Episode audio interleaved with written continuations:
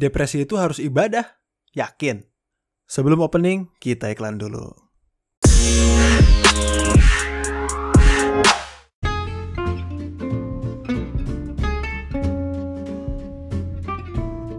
Oke, jadi teman-teman semua yang ada di domisili Bogor yang punya hewan kesayangan dan pengen nge-grooming hewan kesayangan kalian tanpa harus keluar rumah, kalian bisa langsung cek di Instagram, di kolom search langsung tulis Papa Grooming. Papa Grooming menawarkan jasa in-call grooming, jadi mereka bisa langsung datang ke rumah kalian untuk orang-orang yang punya hewan kesayangan kucing ataupun anjing. Pelayanannya cukup lengkap, mulai dari grooming biasa, grooming kutu, grooming jamur, dan grooming kering. Jadi langsung aja buat kalian yang punya hewan kesayangan, langsung aja dikontak Papa Grooming di Instagram dengan tulis Papa Grooming. Semua keterangan lengkap di Instagram.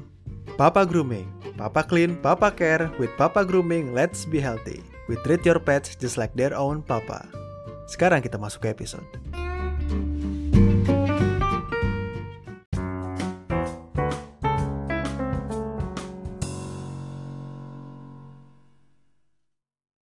Hello everyone and welcome back to Roa Reflections of Aziz Di podcast kali ini gue akan membahas sedikit saja masalah yang menjadi perdebatan di publik Yang mungkin memang sudah menjadi concern dan buat gue cukup penting untuk dibahas dan masalah ini berkaitan dengan kesehatan mental dari seorang manusia yang dihubungkan dengan agama. Ya masalah agama, jadi nggak ada habis-habisnya kalau misalnya kita ngomongin agama disangkut pautkan dengan masalah lain. Apalagi tentang kesehatan yang menjadi perdebatan di masyarakat Indonesia. Seperti yang kita tahu, Indonesia adalah negara dengan populasi muslim terbesar di dunia. Secara presentasi, Indonesia memiliki 13% dari masyarakat yang menganut agama Islam sedunia. Ya kurang lebih segitulah. Dengan jumlah yang banyak sekali itu nggak dapat dipungkiri lagi kehidupan di Indonesia itu tidak dapat dipisahkan dengan agama, terutama agama Islam. Secara singkat, masalah mulai muncul ketika kita memasuki zaman globalisasi yang membuat orang-orang berpikir lebih terbuka karena sumber informasi yang didapat itu jauh lebih signifikan dibandingkan masa sebelum globalisasi. Yang akhirnya ada nilai-nilai dan norma-norma yang sudah ditetapkan di sini dibenturkan dengan informasi yang didapat dari luar sana. Laju informasi semakin cepat karena kita bisa mendapatkan informasi atau berita atau kabar dari luar negeri langsung real time dan informasi tersebut tidak menutup kemungkinan berbenturan dengan nilai-nilai yang sudah ada. Makanya menjadi sebuah perdebatan yang sangat menarik untuk dibahas di sini. Dan salah satunya adalah sebuah concern tentang pentingnya kesehatan mental seorang manusia yang dibenturkan dengan agama. Nah gue pengen bahas ini tuh semua berawal dari as usual media sosial. Yes, gue juga pengguna teknologi, gue bisa mendapatkan informasi secara cepat dari media sosial. Dan gue dapat sebuah cuitan tentang kritik terhadap rendahnya kesadaran kesehatan mental di Indonesia diakibatkan dengan ibadah. Jadi cuitan tersebut mengatakan bahwasannya pantas aja Indonesia kesadaran tentang kesehatan mental tuh kurang. Wah ya ujung-ujungnya kita disuruh ibadah. Nah cuitan tersebut berbicara seperti itu. Jadi pasalnya adalah salah satu yang menghalangi perkembangan kesadaran kesehatan mental di Indonesia itu ya karena kembali lagi masyarakat Indonesia selalu merunut kepada ibadah menjadi salah satu solusi. Nah sekarang timbul pertanyaan, apakah memang seperti itu? Apakah kalau misalnya kita depresi, stres, dan sebagainya, kesehatan mental kita terganggu, kuncinya adalah ibadah?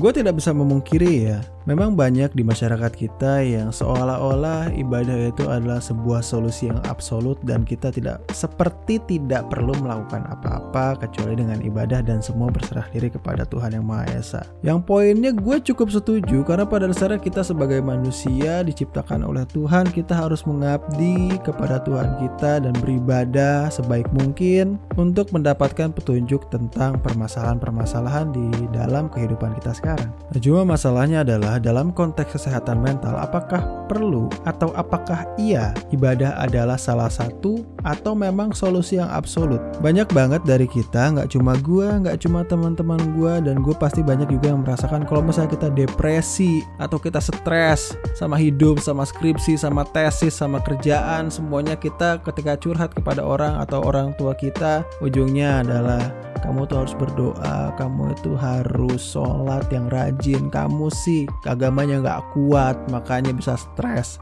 dan selalu seperti itu. Dan mungkin karena banyaknya orang yang menerima respon seperti itu, jadinya tersecara khusus masyarakat di generasi gue menjadi antipati terhadap agama. Jadi semacam dibenturkan seperti itulah. Karena pada dasarnya kita memang sedang depresi ya, tapi malah dinasehatin itu sering banget kejadian cuy. Gue juga kayak gitu soalnya. Dikit-dikit agama, dikit-dikit agama gue dibilang gak kuat, dikit-dikit seperti ini, seperti ngono dan bla bla blanya. Gue nggak tahu sih itu bener apa salah, tapi kalau gue sih lebih mawas diri aja sih sebenarnya. Apakah memang seperti itu?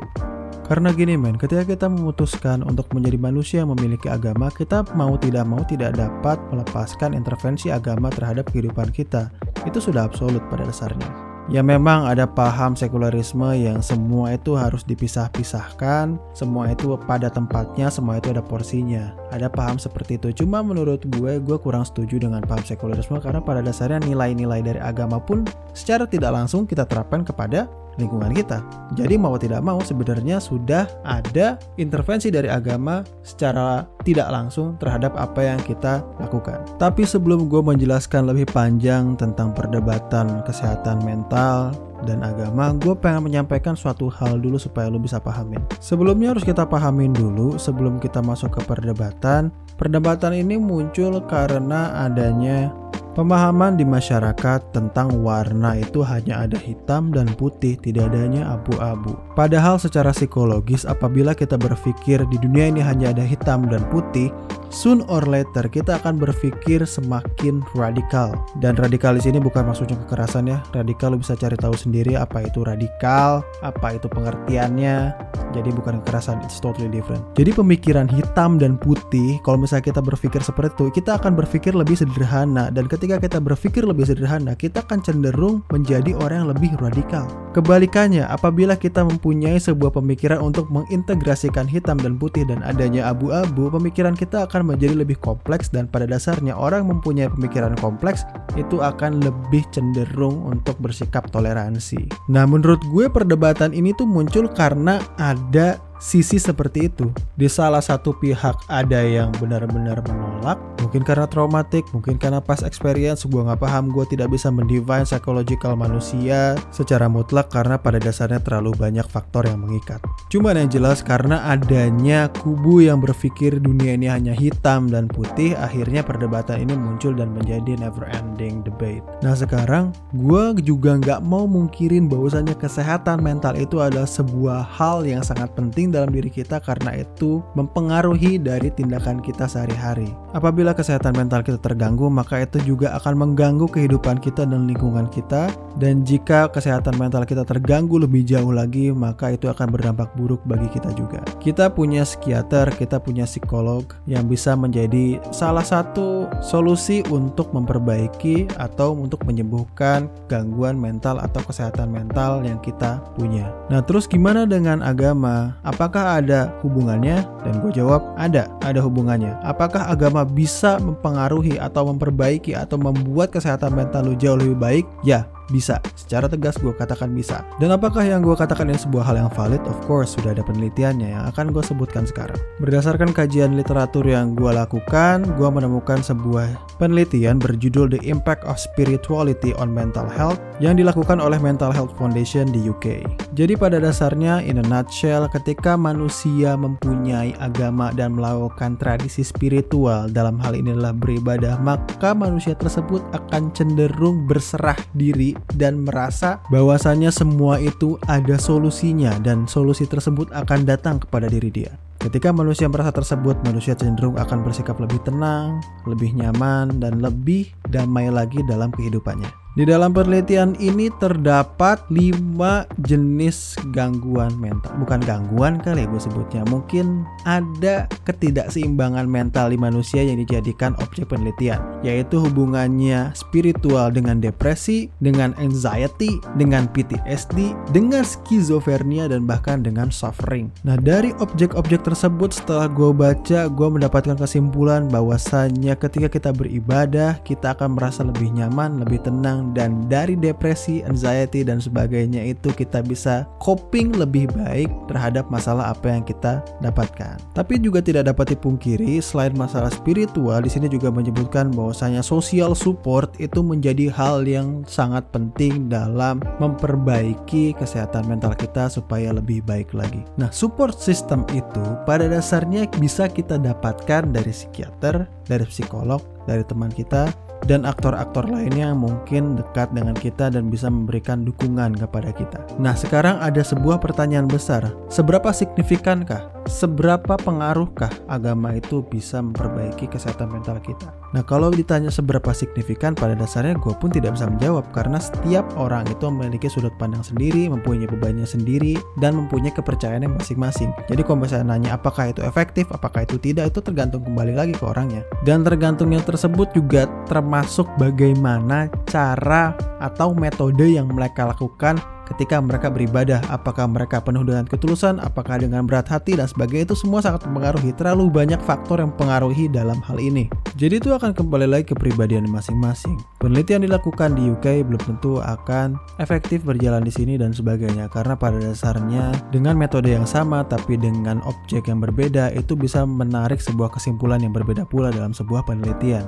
Tapi yang bisa gue yakini di sini adalah iya pada dasarnya ada hubungan antara agama dan kesehatan mental ketika lu beragama, ketika lu beribadah, kesehatan mental lu akan terbantu. Pada dasarnya seperti itu. Cuman ya kembali lagi ke orangnya, apakah orang itu akan menerima peribadatan tersebut dengan ikhlas, apakah dengan tulus, itu semua akan mempengaruhi hasil dari efektivitas dari peragamaan tersebut. Cuma gue melihatnya gini, kalau misalnya gue bisa merefleksikan dari Indonesia seperti itu ya, gue bisa bilang ini cukup efektif karena pada dasarnya di Indonesia juga banyak yang merasakan. Tapi and again gue juga bisa melihat bahwasanya banyak orang yang apatis kritis terhadap keagamaan mereka dan lebih memilih untuk masuk ke psikolog, untuk lebih memilih ke psikiater untuk memperbaiki kesehatan mental mereka. Jadi itu akan kembali lagi ke kepribadian masing-masing. Apakah mereka akan menerima tradisi spiritual seperti itu apakah tidak? Karena pada dasarnya ketika orang atau manusia cenderung menolak sebuah perspektif untuk diyakini kembali itu ya cukup sulit pada dasarnya. Ya mungkin sulit buat gua berdasarkan pengalaman pribadi gua, mungkin banyak orang yang memang ahli di bidangnya tapi yang gue tahu itu bukanlah suatu hal yang instan yang sehari lo bisa jadi. Itu semua butuh proses yang panjang dan komitmen yang besar supaya bisa mengembalikan kesehatan mental kita supaya lebih baik. Tapi yang benar-benar gue pikirin tuh sebenarnya ini. Ini bukan masalah perdebatan apakah agama itu matters apa enggak, apakah agama itu ada hubungannya apa enggak. Karena pada dasarnya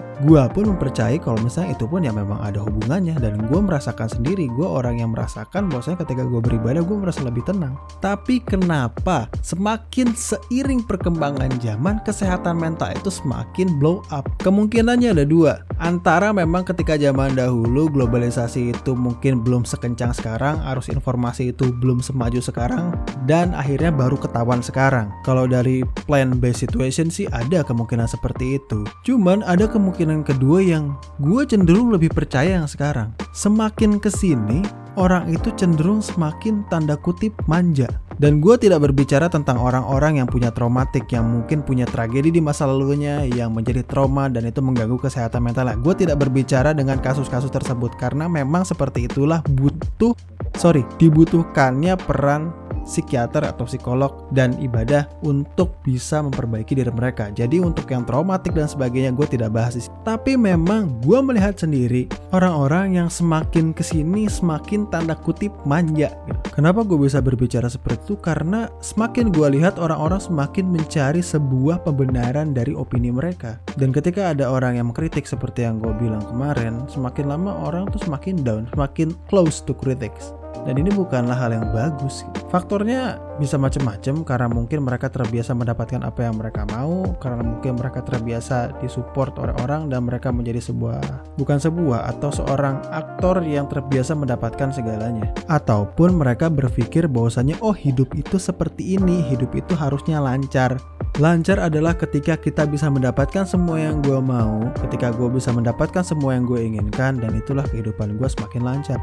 Pemikiran ini bisa dapat dari mana? Banyak. Dari refleksi orang, kita oh harusnya hidup kita tuh seperti itu, oh dia hidupnya lebih bagus ya dari gue, gue harusnya hidup seperti mereka. Iri, dengki, itu keluar. Dan karena mereka tidak dapat mendapatkan sebuah fasilitas atau sebuah privilege tersebut dan tidak dapat merefleksikannya kepada diri mereka, akhirnya yang terjadi adalah mereka ngapus kapabilitas diri mereka supaya mereka bisa mendapatkan standar ideal tersebut. Dan ketika standar ideal tersebut tidak dapat tercapai, akhirnya mereka lebih depresi, mereka lebih stres, mereka tidak gampang puas dan sebagainya. Nah, bagaimana cara menanggulangi hal tersebut? Sebenarnya simple dan kita sudah mendengar ini cukup sering karena pada dasarnya supaya kita bisa menanggulangi sifat-sifat tersebut, hal yang harus kita lakukan adalah ya bersyukur. Kita sudah sering dengar lah kayak bahasanya ketika kita mengejar harta kita tidak akan pernah puas. Kalau gue prinsipnya adalah ketika kita berbicara tentang knowledge, tentang ilmu, gue akan melihat ke atas supaya gue tidak pernah puas akan ilmu yang gue punya sekarang. Tapi ketika kita bisa bicara ber berbicara tentang harta, ya gue akan lebih melihat ke bawah supaya gue bisa lebih bersyukur lagi. Dan gue lihat pemikiran-pemikiran ini justru dianggap sebagai pemikiran yang konservatif, pemikiran yang lama, pemikiran yang jadul. Tapi menurut gue sebenarnya ini cukup penting untuk dapat kita ilhami. Gitu. Di mana gue mendapatkan pemikiran tersebut? Ya dari agama. Sebuah solusi yang ditawarkan oleh agama adalah seperti itu dan gue sangat meyakini akan kebenarannya karena gue sudah menerapkan sendiri. Kalau gue boleh berpendapat, di dalam agama gue, Tuhan yang Maha Esa, Tuhan yang Maha Kuasa itu mempunyai ribuan, ratus ribuan, jutaan cara untuk menolong hambanya. Dan dalam konteks kesehatan mental, mungkin salah satu cara untuk Tuhan memberikan effort, memberikan support atau menolong kita adalah dengan mentakdirkan adanya pekerjaan dari psikiater dan psikolog. Apa nggak ada yang kepikiran sampai situ? Atau mungkin cuma gue aja yang cukup konservatif orangnya? Gue tidak paham, tapi itulah yang gue yakinin. Jadi jangan sampai ada lagi kita mendikotomikan antara kesehatan mental kita, solusi memperbaiki kesehatan mental kita dengan agama. Karena pada dasarnya dua-duanya relate. Tapi ya paling tidak itulah pemikiran gue.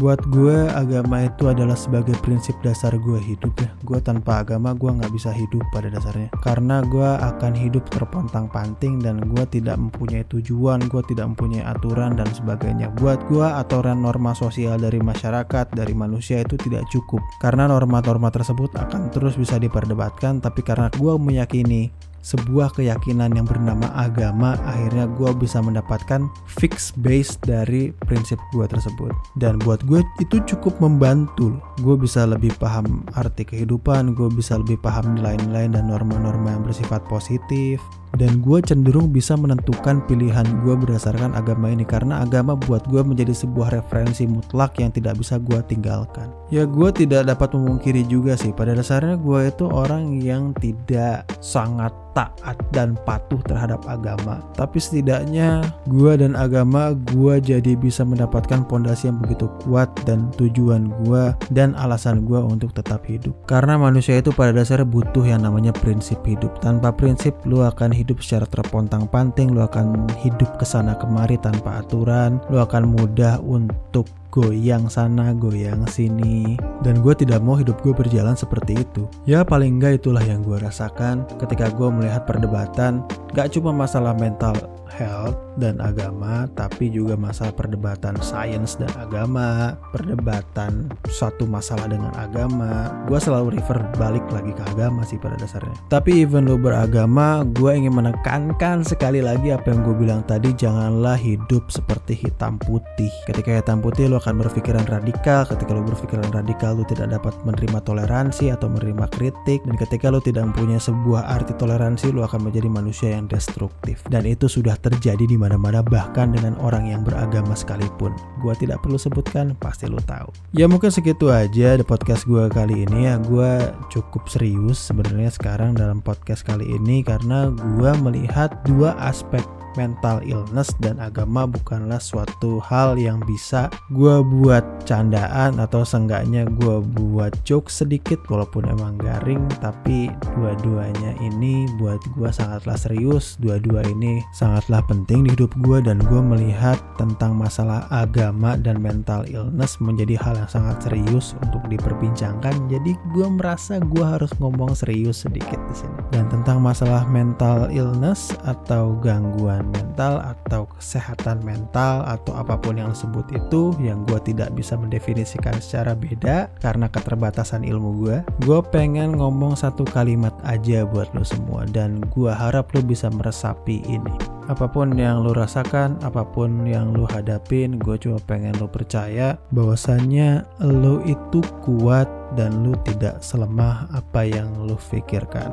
Semua masalah selalu ada solusinya. Jadi lu jangan takut karena soon or later lu akan menemukan solusinya. Terima kasih sudah mendengarkan. Gue sangat appreciate lu semua yang sudah mendengarkan dan mensupport gue sampai detik ini. And see you in the next episode.